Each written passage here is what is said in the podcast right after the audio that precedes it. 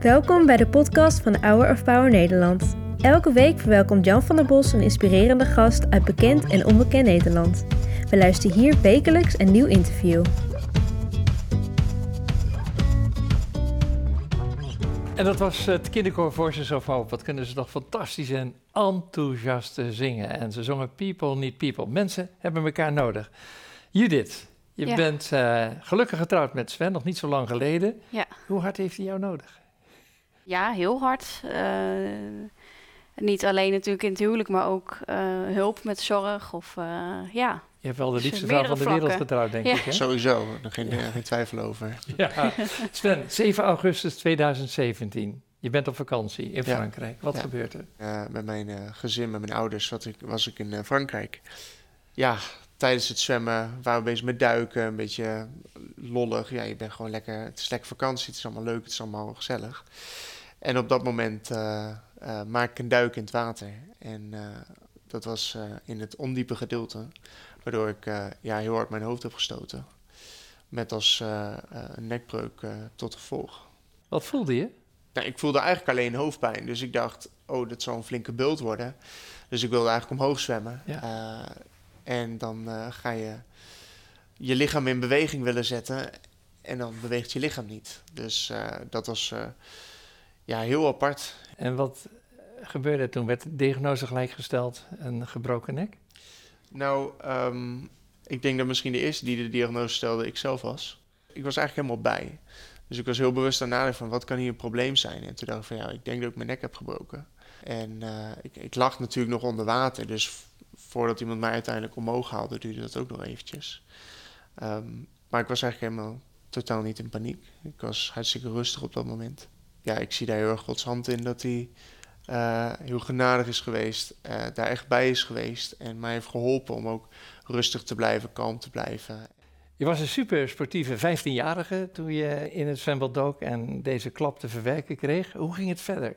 Dan word je naar het ziekenhuis gebracht in een vreemd land. Ik ben dus van een helikopter van Frankrijk naar, eh, want we zaten op de grens van eh, Zwitserland, zijn we naar Genève toe eh, gegaan, naar het ziekenhuis daar. Ja, en dan lig je daar en je bent heel erg van, ja, hoe, hoe gaat mijn toekomst eruit zien? Eh, op 15 jaar heb je nog niet helemaal je, je hele toekomstvisie gepland, maar, Maar Judith al hebbende- wel in je leven. Ja, klopt, ja. Ja. Maar je bedenkt ook niet dat je, dat je in de rolstoel verder gaat. Dus dat is heel erg schakelen en kijken van... hé, wat gebeurt hier nu? Maar toen de doktoren bij je kwamen, je ouders waren erbij en je, en je familie. En zeiden, nou Sven, eh, we hebben een bericht voor je. Je zult je leven lang, als er geen wonder gebeurt, in een rolstoel moeten zitten. Ja. Ja, ik denk dat wij... ehm, wij hebben heel erg bewust gekozen om positief te blijven. En te zeggen van nou... Dan blijven we maar geloven in het wonder.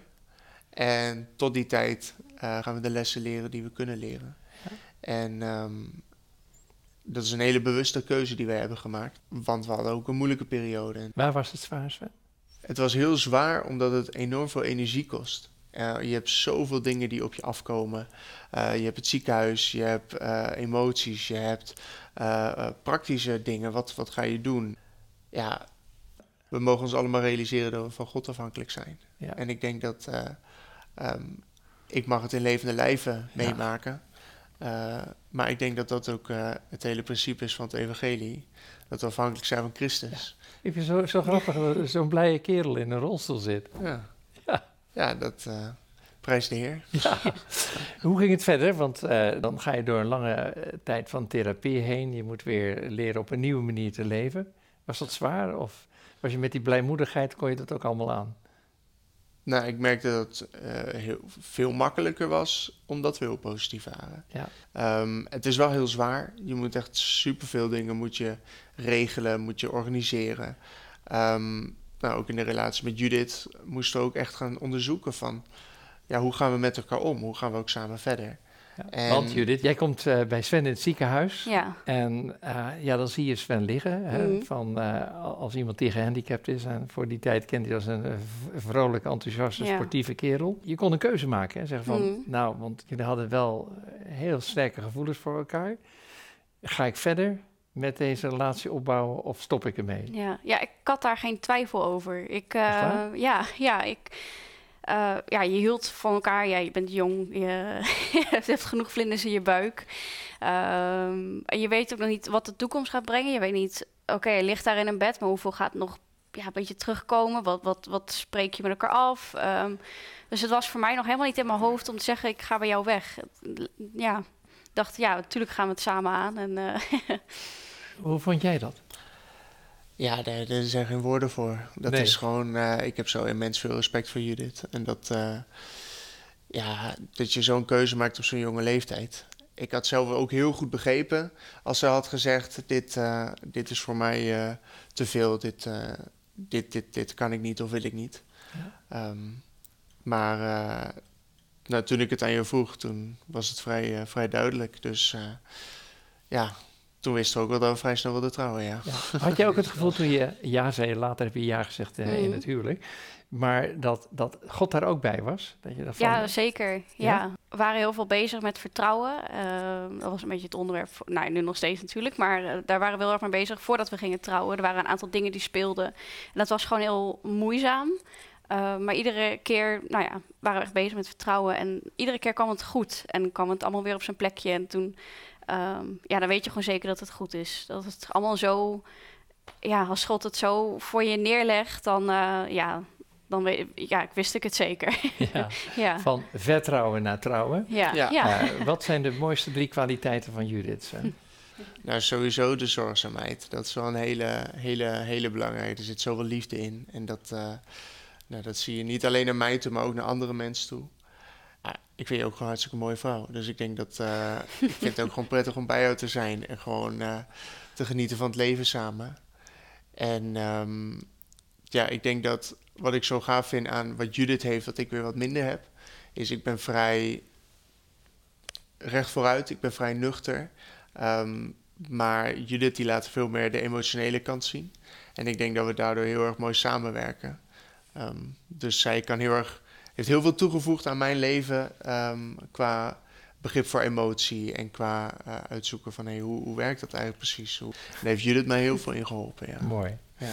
En Judith, wat zijn de drie eh, mooiste dingen van Sven?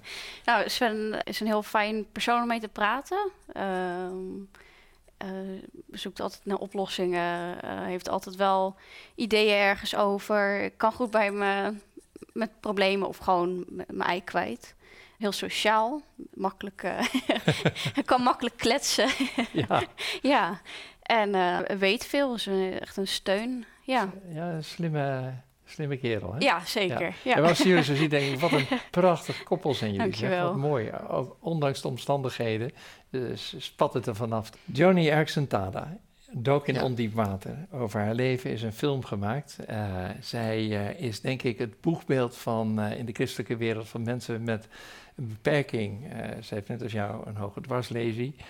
die enorm veel goed werk over de hele wereld verricht. Een miljoen rolstoelen in, het, in, in Afrika en Azië gedistribueerd. Maar ook haar geloofsuitstraling is geweldig. Ze is de langstlevende persoon ter wereld met een hoge dwarsleving. Ja. Nu 73 jaar. Jij kent haar, je hebt eh, haar gevolgd. Ze heeft een boodschap voor jou. Hello, Sven and Judith. It's Johnny Erickson Tada. And I hear that your story, Sven, is very much like mine. Reckless dive into shallow water. But through it all, we grew, drew closer to the Lord Jesus. I leave you with James chapter 1, verse 12. Blessed is the man who perseveres under trial, for when he stood the test, he'll receive the crown of life to them who love him.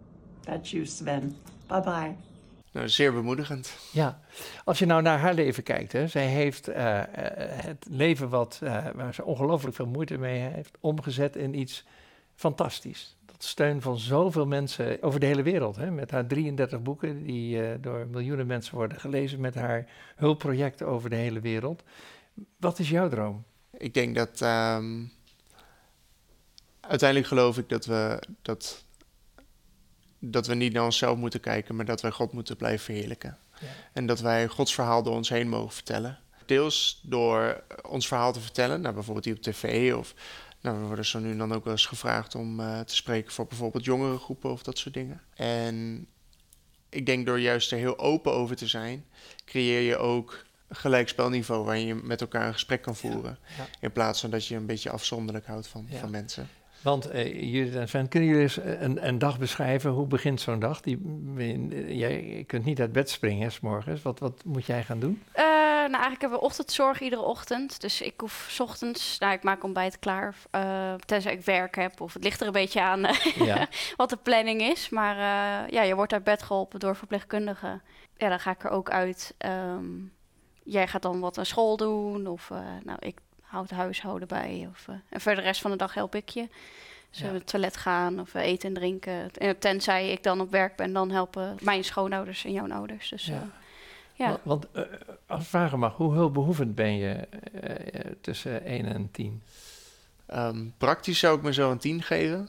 Um, maar op, op de een of andere manier heb ik, het wel, heb ik wel heel veel dingen gevonden die ik heel zelfstandig kan doen. Zoals bijvoorbeeld studeren of vrijwilligerswerk. Um, of de uh, politieke werk waar ik op dit moment mee bezig ben. Dus zijn wel heel Vertel veel. daar eens wat over, over jouw studie en je politieke werk. Nou, ik studeer dus uh, psychologie. Um, die keuze heb ik heel bewust gemaakt na het ongeluk. Um, gezien ik juist erg nieuwsgierig ben hoe het komt dat ik nou zo positief ben gebleven. Ja. Um, terwijl uh, anderen misschien in de put raken en er eigenlijk niet uit weten te komen. Nou, ik heb wel een aantal ideeën, maar uh, het lijkt me eigenlijk heel gaaf om daar ook onderzoek in te kunnen doen. Om daarin te groeien en te ontwikkelen. Om ja, echt een expert te worden, nog los van het feit dat ik ervaringsdeskundige ben. Dus ja, het lijkt me heel gaaf om mensen daarin te kunnen helpen.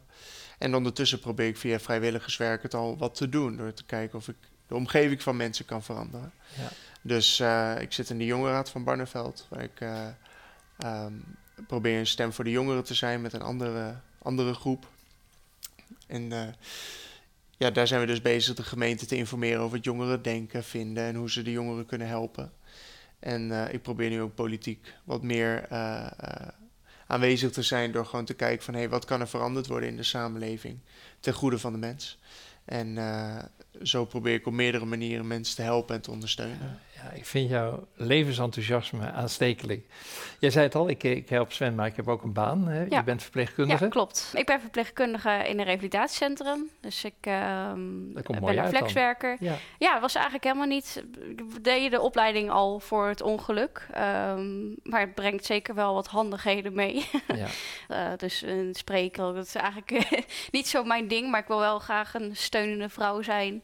die, nou ja, Sven daar ook vooral in nou, kan steunen. En uh, ja, het lijkt me wel heel gaaf om samen... Um, nou ja, Gods woord te kunnen delen en andere mensen te kunnen helpen. Ja, ja. ja. gelukkig echtpaar. Wat jij, uh, dat las ik ergens, wat jij gezegd hebt, is dit. Liever met, met God zou ik dit ongeluk nog een keer meemaken dan zonder God en genezen. Ja. Ja, dat sowieso. Dus stel je voor dat je op dit moment zou genezen, je zou uit die rolstoel stappen, maar je zou niet meer geloven en de rest van je leven alles kunnen doen waarvan je droomt.